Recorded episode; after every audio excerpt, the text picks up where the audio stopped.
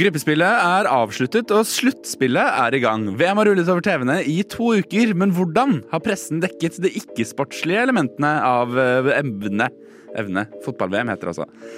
Elon Musk slapp Kanye tilbake på Twitter for en uke siden. Nå er han ute igjen. Hva er det han har gjort for noe gærent? Og kineserne tar til gata og krever president Xi Jinpings avgang. Hva er det som skjer i den kommunistiske staten?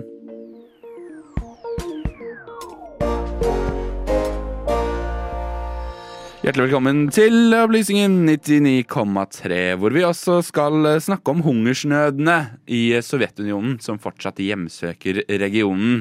Sander Zakaria heter meg, heter jeg. Jeg visste ikke at jeg skulle være her før for omtrentlig en halv time siden, så dette får enten briste eller bære, men heldigvis skal jeg slippe å gjøre dette helt alene. For med meg i studio så har jeg Alexander Klive Gudbrandsen. God morgen.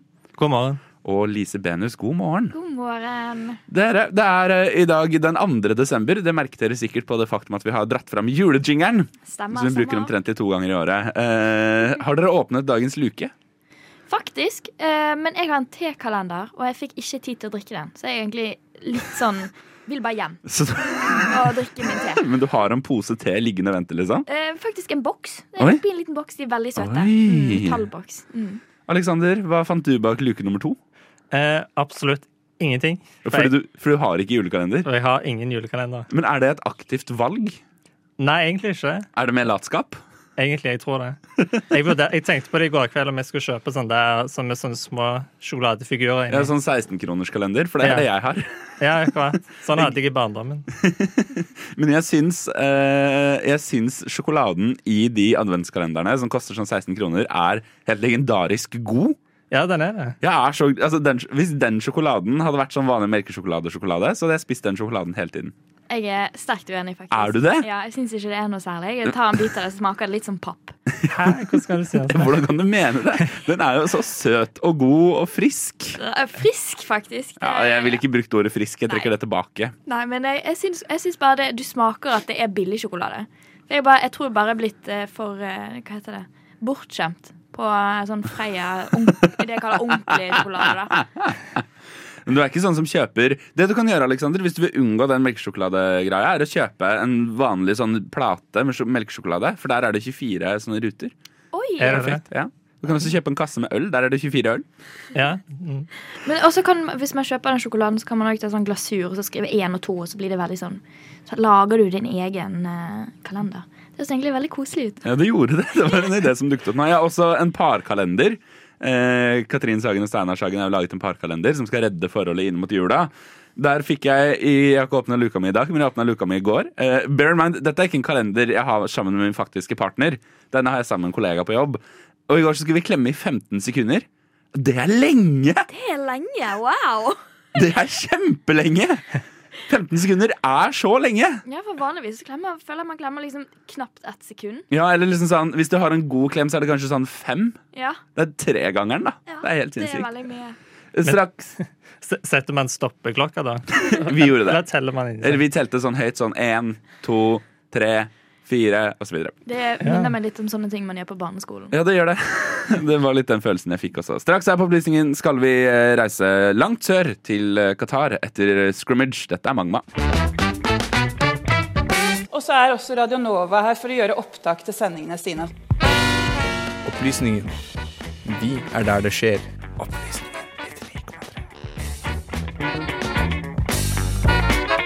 Det har allerede pågått i en uke. Noen vil kanskje hevde at det er en uke for lite. Eh, Fotball-VM i Qatar.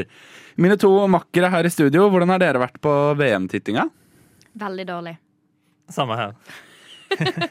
Altså, vi, vi er jo samfunn og aktualitet, eh, Sander. Vi må ikke forvente at vi følger med på sport òg.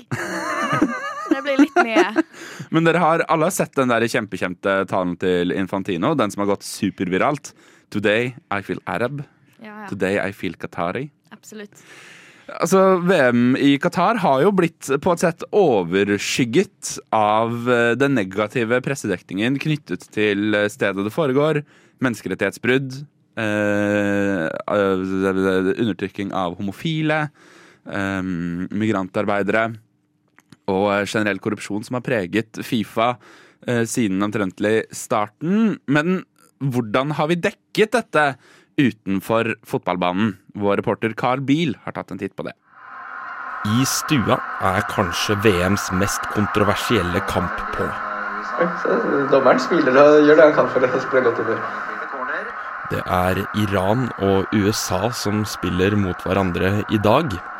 Før VM var det mye snakk om å boikotte hele greia, men i sofaen denne førjulskvelden sitter en fotballfan og følger med. Det har vært eh, det var, det, I begynnelsen var det mye fokus på liksom, det der eh, regnbuebåndet og liksom litt sånn saklige ting og sånt. Og så har det blitt mindre av det og mer fokus på kamper og resultater. Eh, Men det kan jo være så naturlig at det liksom har blitt færre kontroverser. Men samtidig så vet man jo at det er ting som foregår foregår her, som ikke lenger snakkes like ofte om. Men når det først snakkes om det, så eh, er det jo fremdeles interessant. Så jeg ser vel for meg at sånn rundt finalen og sånn, så kommer det til å bli prat om det igjen. Men husker du før VM? Den tiden da alt handla om menneskerettighetsbrudd og hvorfor Fifa er korrupt. Man hørte også om fotballnettsider som skulle boikotte hele greia, og om hvordan noen medier sa at de skulle dekke dette VM helt annerledes. Vel, nå har faktasjekkerne i faktisk.no tatt på seg de kritiske brillene og funnet ut hvordan vmfaktisk.no har blitt dekket. De har sjekka de syv nettsidene Nettavisen, VG, Dagblad, NRK, Aftenposten, Dagsavisen og TV 2. De har sortert alle sakene som handler om Qatar. Sakene er deretter kategorisert som enten sport eller nyhet. Sport er alle sakene som handler om forholdene rundt selve sporten. Skader, kampreferater, reaksjoner og analyser er eksempler på dette. Nyheter handler om det utenomsportslige. De har deretter målt om sakene inneholder henvisning til kritikk av Fifa, Qatar eller mesterskapet på bakgrunn av menneskerettigheter, korrupsjon og sånt. De fant ut at 57% av artiklene handla om sport, 43% av sakene havna i kategorien nyheter. Av sakene som handla om sport, er det kun 6% av sakene som handler om kritikk av Fifa eller Qatar. Av nyhetssakene er andelen dog mye større. Men alt i alt handler mye om resultater, og ikke så mye om kritikk av hele greia. Men så var det dette med boikott, da. Du husker da det var mye snakk om det, sant? Tilbake i stua forteller fotballsupporteren Espen at han egentlig kikker på VM litt sånn i smug. Jeg føler meg skitne. Jeg føler at jeg sitter og gjør noe ulovlig. Jeg eh, driver ikke og flagger dette ut til folk. Jeg vil ikke at folk skal vite at jeg gjør det. Så det er kun mine aller, aller nærmeste som får vite at jeg fra tid til annen ser en kamp.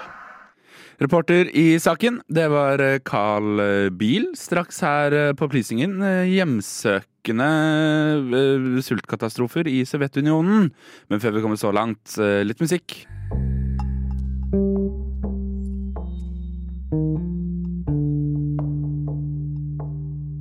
And this is insane. I've never seen this in any other country. Never in my life.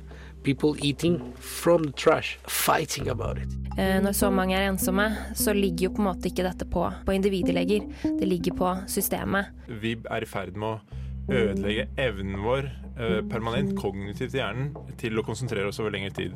Radio Novas samfunns- og aktualitetsmagasin gir deg historiene, sakene og debattene andre overser. Aldri redd, alltid balansert. I tusenvis av år har det bodd mennesker langs de vidåpne gresslettene i Sentral-Asia. I Kasakhstan har tapre gjetere på hesteryggen livnært små samfunn spredt over tusenvis av kilometer med vakre og svakt rullende landskap. På disse slettene har flere titalls diverse folkeslag slått opp sine telt, pakket dem ned igjen og slått dem opp igjen et annet sted. Disse landsbysamfunnene heter det samme på alle sentralasiatiske språk.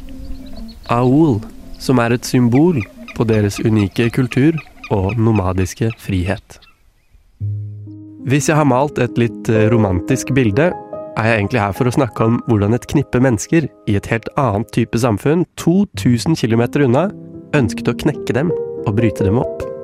På 1800-tallet blir større deler av Sentral-Asia underlagt det russiske imperiet. Med russisk industrialisering blir Kasakhstan langsomt forandret, og byene vokser. Når Lenin og bolsjevikene kommer til makten, blir tempoet virkelig skrudd opp til 11.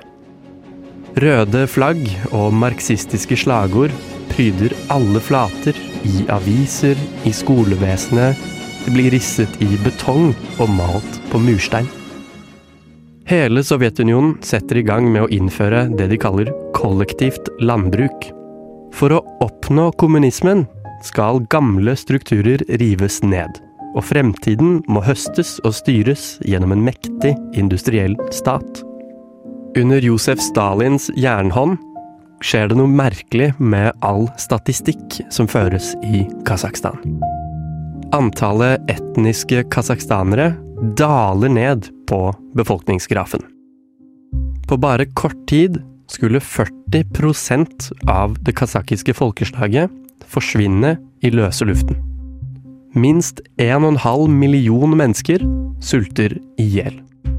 Lange karavaner med sultne folk vandrer til fots ut av landet. Til Usbekistan, Russland og Kina i en desperat søken etter mat å spise. Tynne og beinmagre kasakkere som ankommer andre deler av Sovjetunionen, blir tatt imot av folk som ofte ikke aner bæret av hva kasakkerne har gjennomgått. En sultkatastrofe?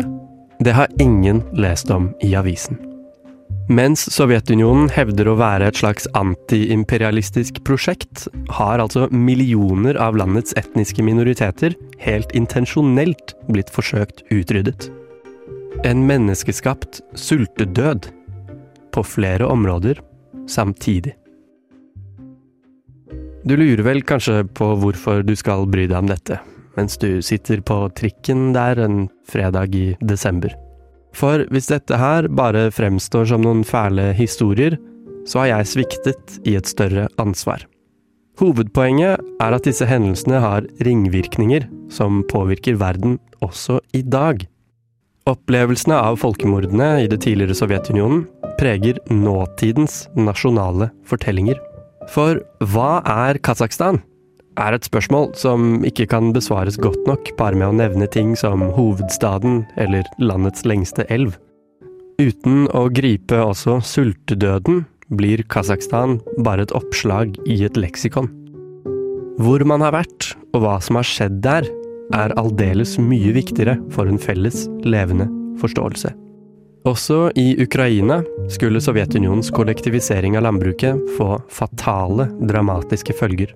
Her må jeg bare påpeke at det laveste akademiske estimatet er 3,5 million omkomne mennesker. I Ukraina har Stalins sultkatastrofe fått navnet holodomor. Det betyr helt enkelt sultedøden. I Kasakhstan kaller man det asjarshylik. Dette er retroaktive navn som har blitt til etter katastrofene inntraff. I 2022 har et av de aller mest sette programmene på TV i Norge vært Last jøder. En dokumentarserie på NRK om holocaust i Norge. Her i Norge, selv mange tiår etter andre verdenskrig, var det mange av våre oldeforeldre og besteforeldre som var stumme om sine opplevelser under Nazi-Tysklands okkupasjon. I min egen familie ble det aldri snakket om fluktruten til Sverige. Eller hvordan min farfar under krigen ble frastjålet sine arvepenger av en mann som senere ble skutt på åpen gate av Milorg. Hvordan vi behandler disse traumene er helt sentralt i å definere hvem vi er. Ikke bare på et personlig plan, men også for landet og for verden. Jeg sitter ved PC-en, og jeg hopper inn i Microsoft Word. Med norsk rettskrivning, hvis jeg taster inn ordet holodomor, kommer det en rød strek under. Og for å være helt ærlig, så virker det litt som et hån. Ikke fordi jeg er ukrainsk, det har ikke direkte angått meg, men hvorfor er det så ukjent? På sett og vis er sultkatastrofene i Ukraina også norsk historie.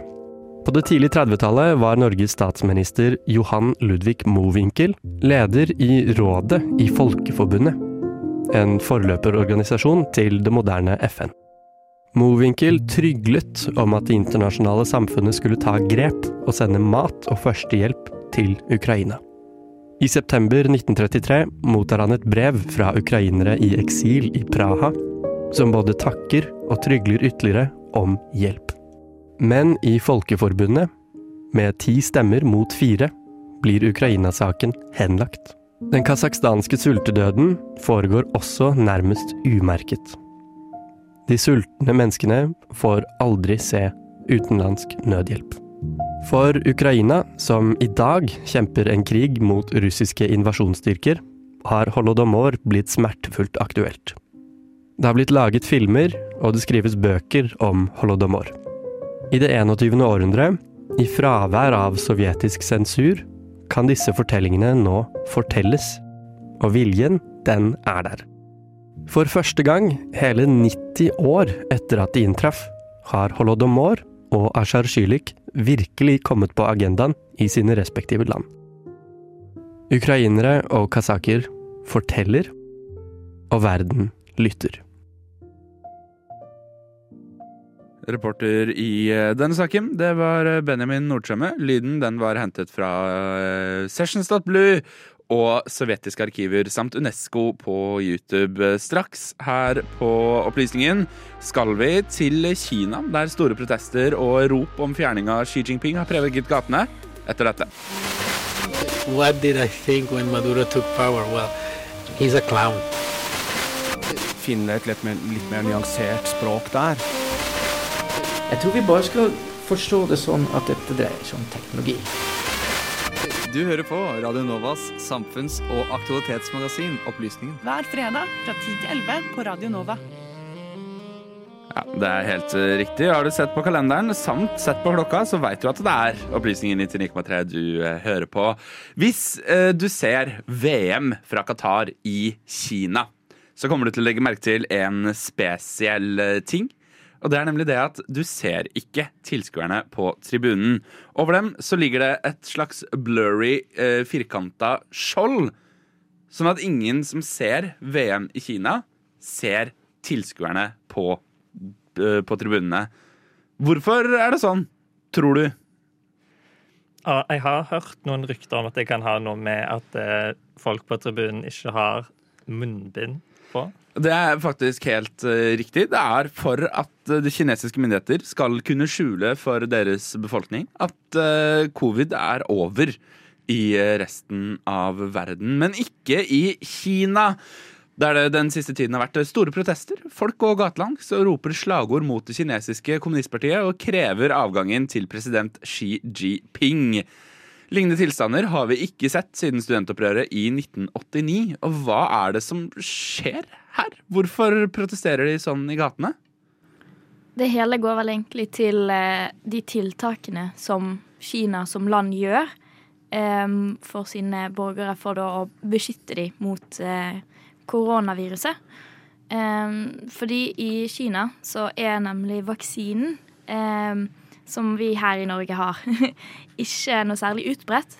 De eneste som kan ta, eller som får lov til å ta Pfizer-vaksinen f.eks., er internasjonale eh, borgere i Kina. Eh, for Kina de har rett og slett lyst til å gjøre det sjøl. De har lyst til å lage en egen vaksine og si at ja, vi klarte det. Vi, de vil ikke på en måte være avhengig av andre land i verden. Eh, men den vaksinen de har klart å lage, den er ikke så veldig effektiv mot bl.a. omikron. og den er heller ikke så veldig utbredt. så istedenfor å vaksinere eh, sine borgere, så har de rett og slett lockdowns i, rundt omkring i Kina. Og det som er viktig å huske på, dette så vi jo bilder av ganske tidlig i pandemien, er at når vi hadde lockdowns her i Norge, så stengte de polet, og vi måtte sitte inne. I eh, Kina så sveiser de igjen dørene til folk. Altså, folk sitter innelåst i huset sitt. Men protester i Kina, Alexander, det er vel ikke noe vi hører så mye om til vanlig? Nei, det er jo ganske risikabelt eh, for eh, folk å protestere i Kina. Og særlig de siste årene med eh, Xi Jinping så har det jo blitt veldig mye strengere òg i Kina. Som, som, du var inne på, så har vi ikke sett disse typen demonstrasjoner siden 1989, var det vel, med protestene på Den himmelske fredsplass. Men nå, siden det er litt over 30 år siden, så kan vi vel kanskje si at det er en ny generasjon kanskje med kinesere som ikke har deltatt i den her typen aktivisme før. Som er vokst opp med internett og sosiale medier osv. Som har et litt annet forhold til dette med sensur og prøver å bryte litt igjennom den sensurveggen. Så kanskje det er litt det vi nå, da. Ja, det kan man jo òg se i noen av protestene, for der går eh, demonstranter rundt med blanke ark. eh, der det ikke står noe som helst, som på en måte skal være et symbol på eh, sensur. da. At de ikke får ytre det de vil. Eh, for det eh, Ja. Ja, Det har, det har vært mye av sånn, litt sånn skjult eh, symbolikk. Man, man eh, roper spesielle slagord som liksom Når du hører dem, så betyr det ikke noe kontroversielt, men folk som er liksom innvidde i, i det, eller de som kjenner kinesisk kultur, kanskje de skjønner hva disse referansene er. Så det, det er for å liksom bryte gjennom det der eh, muren av sensur som myndighetene prøver å å sette opp for å hindre folk i å framføre sine budskap om eh, demokrati og et åpnere samfunn. Fordi Vi vet jo fra før at demonstrasjoner i Kina og det viser protest mot styret er noe helt annet. Alle kjenner jo dette store bildet av denne mannen som står foran denne tanksen ved da studentopprøret i eh, 1989. Samt at vi har hørt noen sånne Det kommer sånne drypp fra hvordan det er å leve under sensuren i Kina innimellom. Blant annet så har vi hørt det at eh, Ole Brumm er jo et eh, nærmest forbudt søkeord der nede, fordi man drar paralleller da, mellom denne barnebokkarakteren skapt av A.A. Mile eh, og president eh, Xi Jinping. Men gnisten i eh, dette opprøret og disse protestene omtales ofte som en brann i en høyblokk. Hva er det som har skjedd? Um, jo, for det var jo litt det du nevnte med at folk blir sveiset inne når eh, det er sånne lockdowns. Så det var det eh, rett og slett en høybolig der det var lockdown. Det var ikke lov til å gå ut. Og det var blokader, blant annet. Så begynte det å brenne. Og det førte da til at, hvis jeg husker riktig, så var det ti stykker som døde.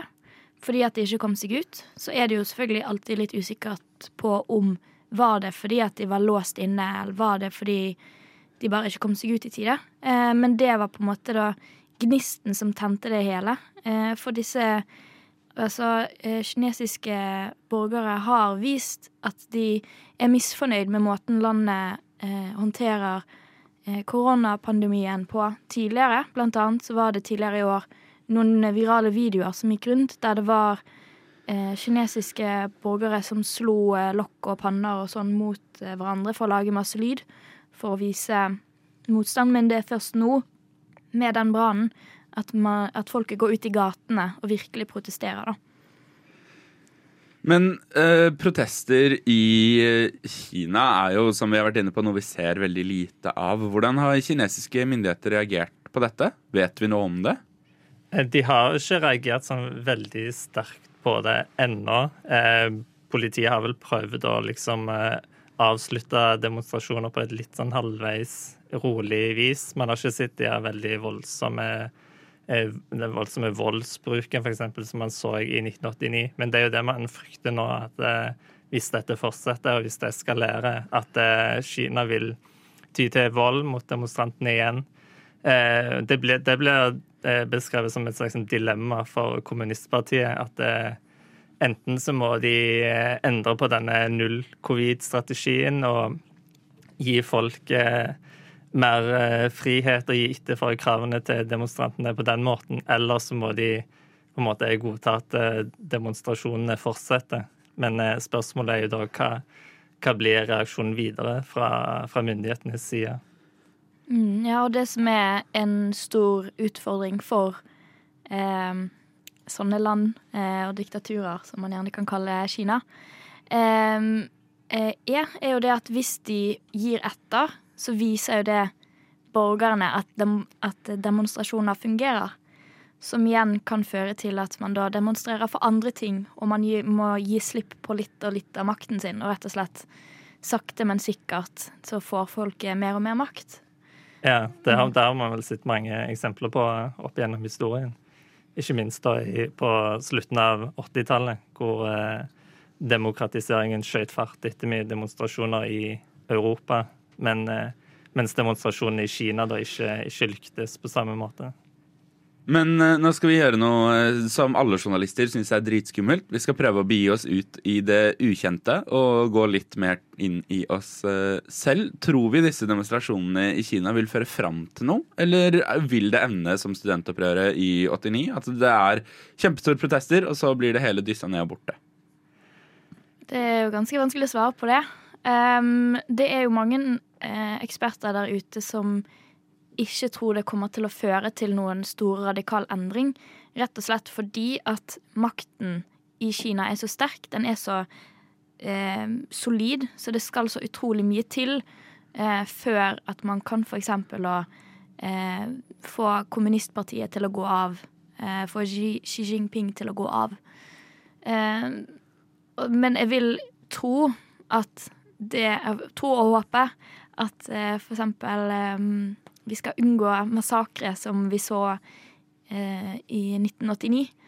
Og at eh, Ja, men jeg vet liksom ikke helt hvordan man kan på en måte endre ende disse protestene uten at det enten blir vold eller endring, da. Men eh, ja, nei. det er vanskelig å si.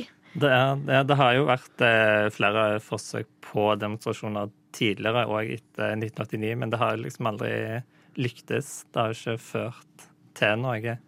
Men, men, men, det sies jo at det er litt annerledes denne gangen. At det er fordi demonstrasjonene er så store, og at folk er veldig modige, eller veldig De tør å snakke mot kommunistpartiet i full offentlighet på en måte man ikke har sett på veldig lang tid. Så kanskje er det annerledes denne gangen, men det er jo veldig vanskelig å spå. det.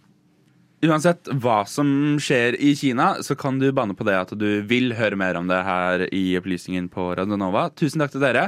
Vi skal straks fortsette å prate, vi. Vi skal til Kani, og vi skal til antisemittisme.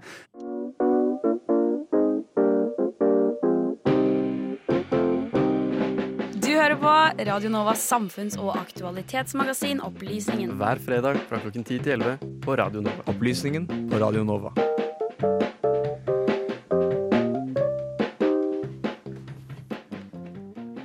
Altså, vi skal faktisk over til noe helt, helt annet. Det er ikke mange dagene siden skilsmissen mellom uh, kjendis og uh, hva kan vi si, reality-stjerne, kanskje, Kim Kardashian og rapper Kanye West ble offisiell. Uh, de er nå ikke lenger et par, de er nå offisielt skilt. Og det er jo ikke det eneste problemet som dukker opp hvis du setter deg litt inn i Kanye West. Han ble pælma ut av uh, Twitter. Uh, Elon Musk tok han tilbake igjen for ca. en uke siden. Før han nå da i dag ble kasta ut igjen. Og alt dette henger sammen med hans eh, heller um, kontroversielle påstander. Hva kan vi si om Kanye West på sosiale medier-gjengen? Ja, hva kan man si? Hvor skal man begynne? ja, det er det. Nei, han, personlig så er jeg ikke så Eh, veldig mye på Twitter, jeg. Så jeg følger ikke så veldig mye med akkurat der. Men jeg har jo til og med meg eh, har fått med meg at eh, han har en del spesielle utsagn, da, kan man kanskje kalle det. ja, for altså, Det er jo ikke noe nytt at uh, Kanye West uh, sier ting som er kontroversielle. Han har tidligere uttalt bl.a. at de som var slaver i USA på fram til 1800-tallet, de valgte det selv det var frivillig å være slave. Han er en uh, uttalt republikaner i uh, politikken. En uh, har tidligere dratt påstander som kan for oss minne mer om holocaust-benektelse enn noe annet. Og ikke minst, da, så har han nå igjen kastet seg inn i presidentløpet i USA. Men denne gangen så handler det om antisemittisme. Hvilke konkrete eh, saker er det som har trukket han ut av Twitter nå? Um, ja. uh, han, han, han, Det var vel noe med et bilde, var det ikke det? Han, han posta et bilde av uh, ei davidsstjerne med et hakekors inni, visstnok. Og det er jo ganske problematisk, for å si det sånn. Mm. Ja, og så tenkte jeg bare å kommentere apropos det med presidentløpet. Fordi han var jo og eh, hadde lunsj sammen med en eh, tidligere president i USA, Donald Trump. Ja. Eh, og da blant annet eh, skal ha spurt han om å bli visepresident, da. Eh, hvis det Kanye West skulle bli president, eller Yay, som man da egentlig skal kalle han. Og der var de ikke aleine, for der møtte de òg en som heter Nick Fuentes. Eh, og Nick Fuentes han er en kommentator som man finner på YouTube. Og han er da eh, åpent antisemittisk og benekter holocaust. Så der har man jo eh, ja, en, ganske intro, en ganske interessant kombinasjon av, av mennesker, da. Og eh, dette møtet mellom disse tre personene eh, ble lekket eh, ved at de la ut bilder og videoer selv. Eh, og det har blitt eh, sterkt kritisert av både republikanere og demokrater i USA. Ehm, fordi at det er så Ja, det er rett og slett farlig at en person som som tidligere president Donald Trump, og eh, som er republikanerens Ja, hva kan man si? Eh, en av de man tror at kommer til å eh, være presidentkandidat for det republikanske partiet, har et så nært forhold til en så åpen antisemittisk person som Nick Fuentes er, da. Ja, til og med republikanere har jo rykka ut mot Trump pga. dette her. Mm. Og så er det jo ikke den eneste, det eneste som nå eh, faller sammen for eh, Kanye West. Han har mistet flere av sine store sponsorater i eh, det siste. Det er flere som har avsluttet samarbeid med ham, bl.a.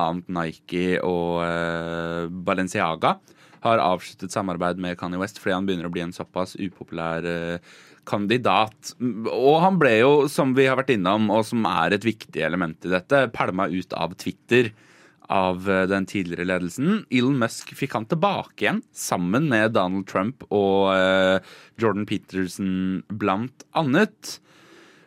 Kan, altså, hva, hva, har, hva, har, dette å si? Hva er det egentlig som skjer rundt Kanye West nå?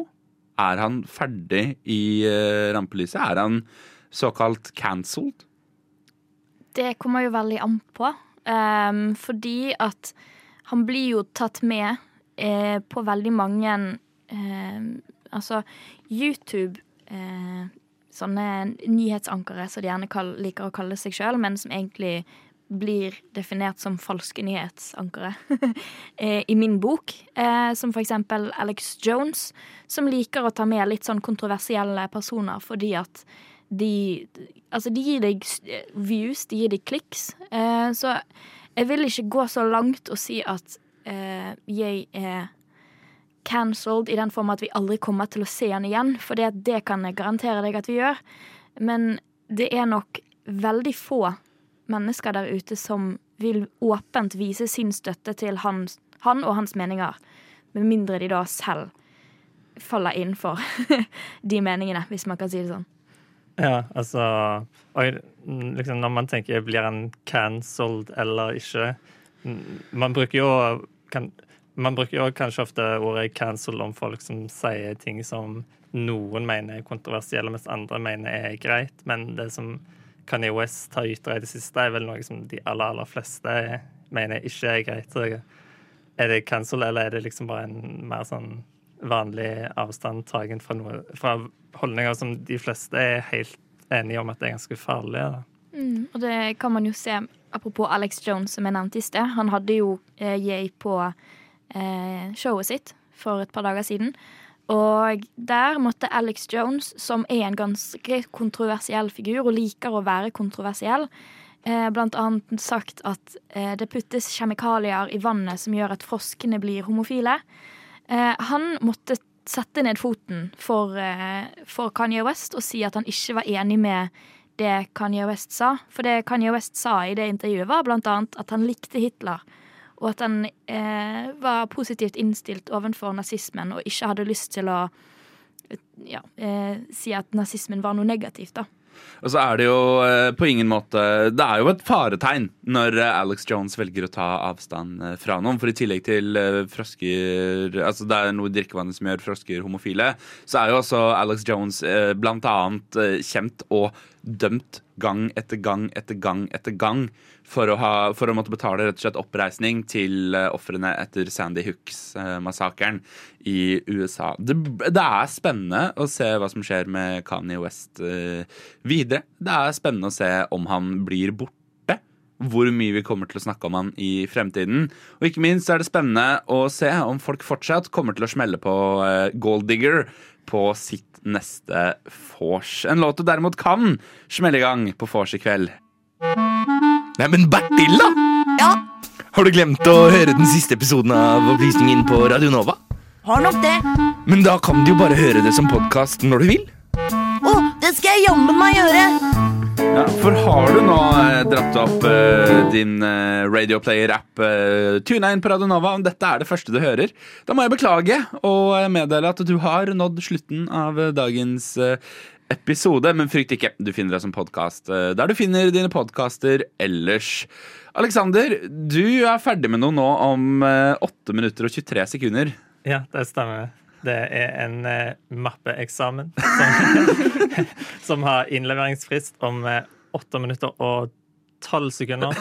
Men den, den er for lengst lasta opp, så alt skal forhåpentligvis være i sin skjønneste orden. For du skal, det du skal ha eh, kudos for, er det at du pokker meg har nerver av stål som tør å sitte så langt unna PC-en din. Og eh, altså knappe sju minutter før eh, Sju minutter og 51 sekunder før innlevering av din mappeeksamen. Men nå er du ferdig med eksamen. Er det din siste? Ja. Mm. Oi, så du har juleferie om eh, 7 minutter og 42 sekunder? Ja. Mm.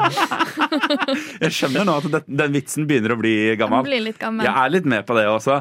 Men eh, hva, hva gjør du nå? Første helgen uten eksamen? Oi. ehm, slappe av Altså Jeg liker at du sier det med et spørsmål. Slappe av? Hva altså, gjør man lurer jeg egentlig? litt på om jeg skal begynne å lese pensum til neste år. Ja, neste semester. Det er bare én måned til neste semester. Men Kanskje ikke en, ennå. Men jeg har hatt så mye å gjøre i det siste at eh, når semesteret plutselig er slutt, så liksom blir jeg forvirra og skjønner ikke helt eh, hva som skjer. Om jeg virkelig har ingenting å gjøre, eller om det er bare masse ting jeg må gjøre som jeg har glemt. Hvis du vil ha et eh, tips til hvordan du kan eh, slappe av, så kan jeg anbefale deg å legge deg på sofaen og se Narnia, løven, heksen i klesskapet. For det så jeg i går. Og jeg er fortsatt i godt humør etter den. Eh, Lise, Ja. du, er ikke, du er ikke ferdig ennå. Nei, dessverre. Jeg var, men men um, jeg var nettopp ferdig med min såkalte FoU-oppgave. Ja, For det er forsknings- og utviklingsoppgave. Ja, det var gøy. Nei, det var ehm, 7000 ord som skulle skrives i løpet av et semester. Det vil si 7000 ord som ble skrevet i løpet av en uke. um, og det var Jeg følte veldig på det samme som deg, Alexander. For jeg, jeg, leverte den inn. Uh, altså på en måte skulle, Den skulle være inn eh, uh, 1. desember klokken ett. Jeg leverte den eh, på dagen, altså. Jeg leverte den inn um, 30, hva blir det? 1. desember klokken to på natten leverte jeg den inn. Eh, og når jeg våknet da, så var jeg veldig sånn Nå må jeg huske Oi, nei, vent litt. Jeg sant det. Jeg har jo allerede levert den inn. Og så var jeg veldig sånn Hva gjør jeg egentlig med livet mitt nå? For jeg har bare sittet og ny, nyskrevet på den oppgaven den siste ja, uken. ja, akkurat det der skjønner jeg meg veldig igjen i. Mm. Når liksom én ting, én oppgave, opptar hele livet, og så er den over. og så er den sånn hva er det egentlig jeg gjør nå? Ja, hva gjør jeg egentlig når jeg har fritid? Ja. Ja. Men selv om du har et par eksamener igjen, så er det helg for deg òg, Lise. Hva skal helgen eh, benyttes til? Oh, um, jobb, Um, i hovedsak. Uh, litt fest. Det blir gøy. Uh, og så Åh, jeg skal, oh, jeg, skal uh, jeg begynte å se på en serie på Netflix. Egentlig så henger jeg litt bak, men eh, For jeg skal se på Sandman. Eh, Jeg, jeg var nå helt overbevist om at du begyn- hadde begynt å se på Wednesday. Oh, nei, det har som sett alle ferdig. andre har sett. Ja, du har sett den ferdig? ja, ja. Mest streama serien på Netflix noen gang. Sett nesten 150 millioner minutter siden den kom ut. Wow! Ja, den har overtatt. Stranger Things i strømmetoppen. Damn, det visste jeg faktisk ikke. Men, åh, men det, som Det er, merkelig, det er merkelig hva du lærer når du snakker med folk som jobber i underholdningsbransjen. Ja, hvem skulle? Nei, for jeg, det som jeg la merke til For jeg gikk jo fra Wednesday til Sandman, og der er det samme skuespiller um, som spiller to eh, Altså to forskjellige roller, da, selvfølgelig. Eh, og det er hun Jeg husker ikke hva hun heter. Hun som òg var med i Game of Thrones, som er relativt høy. Eh, jeg, ja, jeg husker ikke. Men i hvert fall, fordi jeg syns det var veldig rart. Fordi jeg så liksom, Hun var i episode tre, tror jeg, av Sandman. Så bare så jeg henne og var sånn wow! Deg så jeg nettopp. Vil du høre enda mer om film og serier, så kan du høre på Nova Noir. Vil du høre enda mer samfunnsaktualitet, så er det bare å tune inn på Opplysningen 99,3 neste uke. Eller sjekk oss ut som podkast der du finner podkaster ellers. Medvirkende til denne ukens sending det har vært Carl Biel og Benjamin Nordtømme. Med meg i studio har jeg hatt Alexander Klive Gudbrandsen. God helg. God helg. Og Lise Benus. God helg. God helg. Sondre heter jeg. Endrer ikke navn med mindre jeg sier ifra til deg først. Så skal vi gjøre en sånn helt sånn ryddig og ordentlig prosess på det. Vi runder av med en eh, skikkelig favoritt her i Opplysningen. Vi skal til gutta i baklengssalto. De har dratt med seg sportskommentator Jan Post, og dette, ja, dette er eh, løpesang.